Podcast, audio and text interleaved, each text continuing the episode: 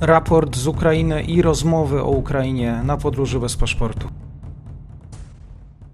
Dzień dobry wszystkim słuchaczom. Mam dzisiaj wielką przyjemność gościć, zresztą po raz pierwszy, pana Juliusza Sabaka z portalu Defense24. Dzień dobry panie redaktorze. Dzień dobry panu i dzień dobry państwu.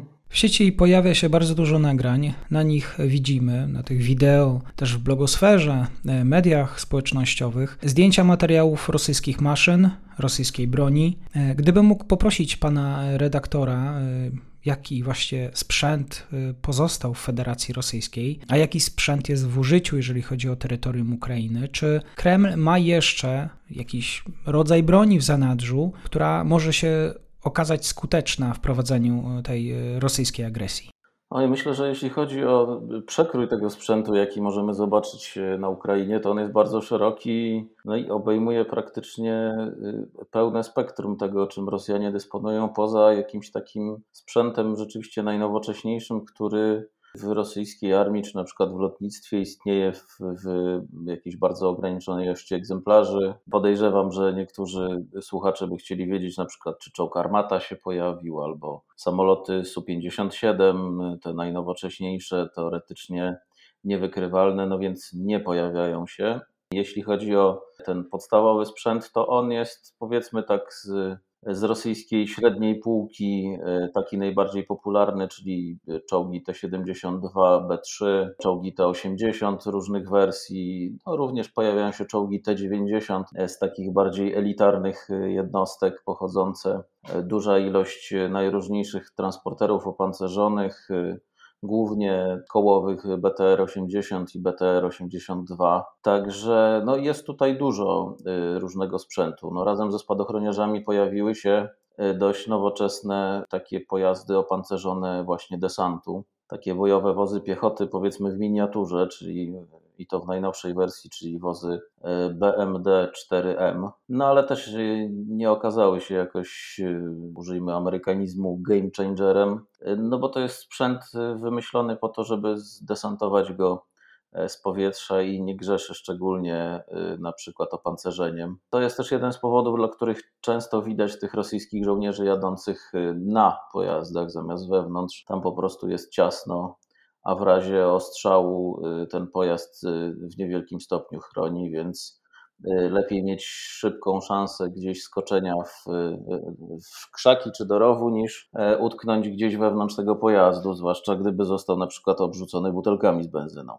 Y, oczywiście pojawiają się też bojowe wozy piechoty i to, co ciekawe, nie tylko te takie powszechnie używane nieco nowocześniejsze niż my znamy w Polsce BMP-2 i BMP-3, ale również y, do, dość wiekowe BMP-1 i to po stronie rosyjskiej, co, co jest dość y, nietypowe, ale to wynika z, myślę z tego, że wiele jednostek, które trafiły na front, zwłaszcza w tym pierwszym rzucie, to były jednostki y, służące na co dzień gdzieś na Dalekim Wschodzie Rosji, no i nieuzbrojone wcale najlepiej. Stąd wiele czołgów e, w takich dość e, mało nowoczesnych wersjach. Natomiast e, jak popatrzymy na stronę ukraińską, no to tutaj mamy miks y, bardzo ciekawy, bo to są pojazdy, jeśli mówimy o wojskach lądowych, podobne jak rosyjskie, czyli y, bojowe wozy piechoty BMP-2, też BMP-1, kupowane na przykład od Czech z magazynów dla uzupełnienia strat, ale też transportery BTR-70,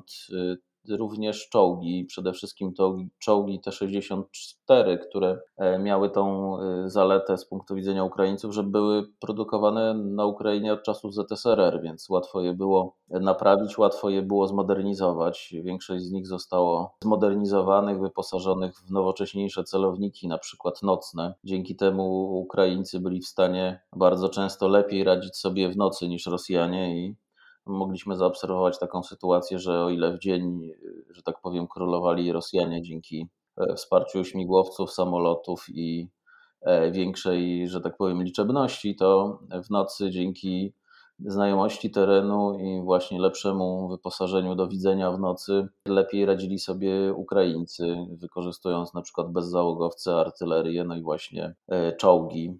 Te czołgi to są takim cichym bohaterem po stronie ukraińskiej, bo eksponuje się bardzo te wyrzutnie przeciwpancerne, słynne javeliny i inne typy sprzętu przeciwpancernego w rękach piechoty. Natomiast jednostki pancerne i zmechanizowane grają bardzo ważną rolę, y, ale y, są mało widoczne w mediach. To jest też przemyślana strategia. Po prostu y, Ukraińcy bardzo dbają o to, żeby informacje o tym, jakie jednostki i jak wyposażone i gdzie się pojawiają, jak najrzadziej trafiały do tak zwanej infosfery. No bo oczywiście tam również funkcjonują, że tak powiem, służby specjalne, agenci i E, zbierają te informacje. To jest tak zwany biały wywiad, czyli to wszystko, co można się dowiedzieć, nie sięgając po jakieś mało legalne środki szpiegowskie w rodzaju agenci, podsłuchy itd. Mówi się o tym, że odwilż, roztopy i deszcze mogą uratować Ukrainę. Takie tytuły pojawiały się też w mediach. Czy dla rosyjskiego wojska nie ma nic gorszego niż błoto? Jak mogą sobie z tym błotem poradzić?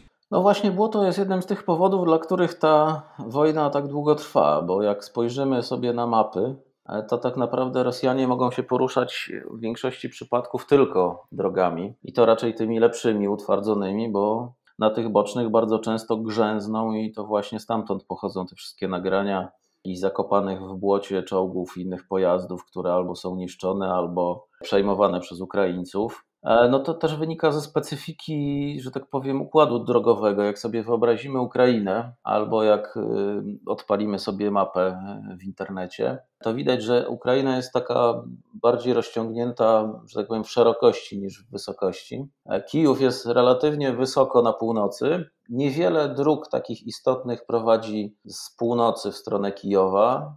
E, czy też e, z północnego wschodu, natomiast większość tych dróg e, prowadzi tak naprawdę w dół od Kijowa, czyli, czyli gdzieś w stronę morza, w stronę większych miast wzdłuż e, Dniepru, albo prowadzi na tej osi wschód-zachód, więc e, można powiedzieć, że problemem Rosjan jest to, że oni troszkę poprzek głównych szlaków komunikacyjnych Ukrainy w tej chwili się poruszają, no i to jest ten powód, dla którego szczególnie ta północna ofensywa na Kijów tak się ślimaczy i, i powstał ten taki ogromny korek, który, który wykorzystali Ukraińcy tam atakując tak spiętrzony, że tak powiem, sprzęt, y, a w szczególności oczywiście ciężarówki z paliwem i z amunicją. 3 miliardy dolarów to ma być ten koszt y, według ukraińskiego y, Forbesa, tego co Rosjanie stracili na Ukrainie. Od początku właśnie ataku Federacji Rosyjskiej armia Kremla straciła właśnie setki maszyn. Panie redaktorze, co padało łupem Ukra Ukraińców? Jaki jest ten rachunek zysków i strat na 8 marca? To jest pytanie bardzo skomplikowane, bo my tak naprawdę nie mamy dostępu do pełni tych informacji.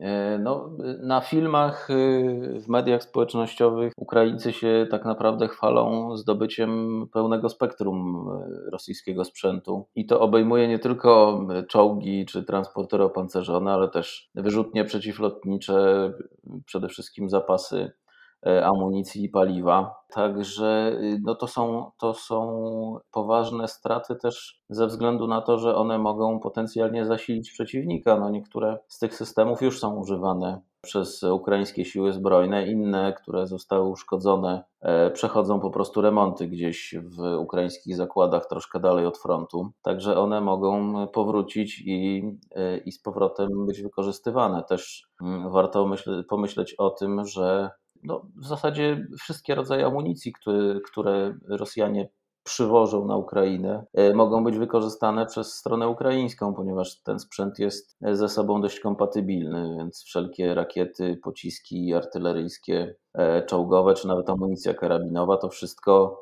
e, przeciwnik tak naprawdę przywiózł ze sobą i, i może tym wspierać obronę. No jeśli patrzymy na te straty, to one są bardzo poważne po stronie rosyjskiej, ale no, cały czas trzeba pamiętać, że to równanie ma dwie strony. Po stronie ukraińskiej też są ponoszone straty, których nie znamy aż tak dokładnie. I co jest myślę zamysłem też strony ukraińskiej, żeby jak najmniej informować o tym, e, jaka jest aktualna sytuacja i żeby ewentualnie przeciwnika czymś jeszcze zaskoczyć, bo ja cały czas szczerze mówiąc mam nadzieję, czy raczej oczekuję, że na zachodzie Ukrainy znajdują się jeszcze pewne odwody, które można będzie wykorzystać e, w kluczowym momencie, żeby tą szalę przechylić e, jednak na stronę e, ukraińską. A co jest dzisiaj tą e, najpoważniejszą bronią Ukrainy, atutem? Oj, tych atutów jest dużo, ponieważ e, myślę, że jakbyśmy mieli myśleć o tym najsilniejszym atucie, to to jest przede wszystkim te 8 lat konfliktu tak naprawdę, bo to trzeba powiedzieć jasno i ja to powtarzam od, od lat, jeśli chodzi o wojnę na Ukrainie, że ona nie wybuchła wcale 24 lutego, ona wybuchła w 2014 roku, tylko E, myśmy udawali jako, jako Europa, czy w zasadzie jako cały Zachód, że my jej nie widzimy, bo ona się zamyka w, w tej linii, e, wąskiej linii frontu, gdzie e, Ukraińcy i, i zielone ludziki, czy tam separatyści, jak się ich czasem nazywa, ze sobą walczyli od tego 2014 roku. I tak naprawdę ten konflikt trwał nieprzerwanie i Ukraina miała pełną świadomość tego, E, I to każdy zakątek Ukrainy, bo ludzie z każdego zakątka Ukrainy trafiali na front, ginęli tam czasem, więc y, to stworzyło z jednej strony pewną świadomość y, że tak powiem, narodową i społeczną. I bardzo często Ukraińcy mówią, że nikt nie zrobił tyle dla jedności Ukrainy, co Władimir Putin, e, atakując e, Krym i wywołując e, tą wojnę z, z tymi takimi marionetkowymi państwami separatystycznymi, bo on spowodował to, co się dzieje w tej chwili, że nawet rosyjskojęzyczni Ukraińcy są rosyjskojęzycznymi Ukraińcami, a nie Rosjanami mieszkającymi na Ukrainie. I to był ten największy błąd, jaki popełniła, myślę, Rosja, myśląc, że ci ludzie, tak jak mieszkańcy Ługańska czy Doniecka, się nadal czują Rosjanami. Oni się czują w tej chwili rosyjskojęzycznymi Ukraińcami. E, I to powoduje ten opór, na który Rosjanie natrafili w, we wschodniej części kraju, którą spodziewali się zdobyć relatywnie szybko. No, Charków, który się e, z tego co wiem nadal broni, to jest miasto tak naprawdę rosyjskojęzyczne. Myślę, że Rosjanie spodziewali się, że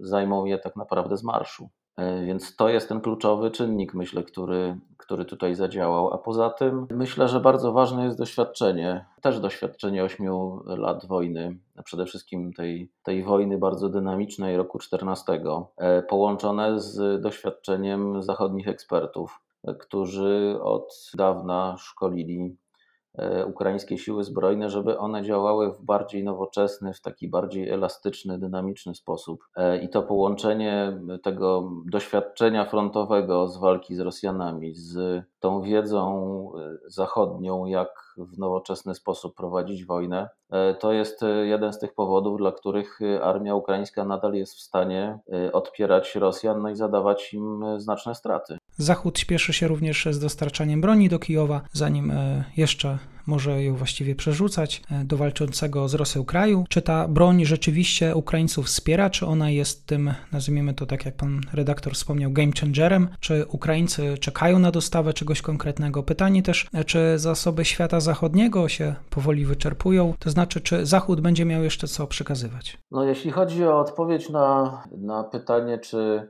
e, czy dostawy z Zachodu są game changerem, to może powinniśmy oddać, yy, że tak powiem, możliwość odpowiedzi na to pytanie rosyjskiej propagandzie, która, że tak powiem, w najnowszych przekazach mówi, że gdyby Zachód nie zbroił Ukrainy, to ona by się poddała szybko i e, dzięki temu uniknęlibyśmy wielu strat. E, oczywiście to jest e, absolutnie demagogiczna i przewrotna argumentacja, no ale, ale oddaje naturę rzeczy, to znaczy wsparcie Ukrainy ogromną ilością sprzętu i to w tej chwili idzie w dziesiątki tysięcy e, pocisków e, i wyrzutni, e, no to jest to, co pozwoliło zatrzymać w dużym stopniu te rosyjskie kolumny. To jest nie tylko broń jako taka, to są właśnie nowoczesne radiostacje, a, a łączność skuteczna i taka nie penetrowalna dla przeciwnika to jest bardzo ważna rzecz na wojnie. Tu warto powiedzieć, że na początku konfliktu Rosjanie, jak utknęli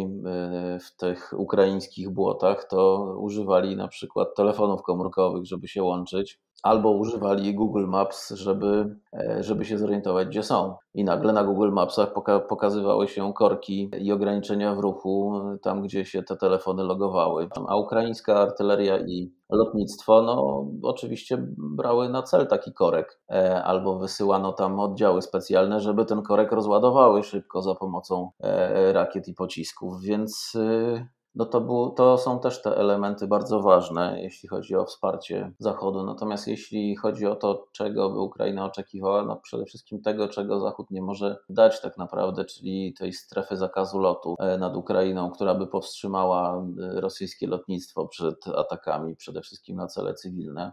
E, no, samolotów, których nie da się dostarczyć w krótkim czasie, bo to są kwestie liczone raczej w tygodniach i w miesiącach w najlepszym wypadku. Myślę, że sprawy rozstrzygną się w ciągu najbliższego tygodnia czy dwóch.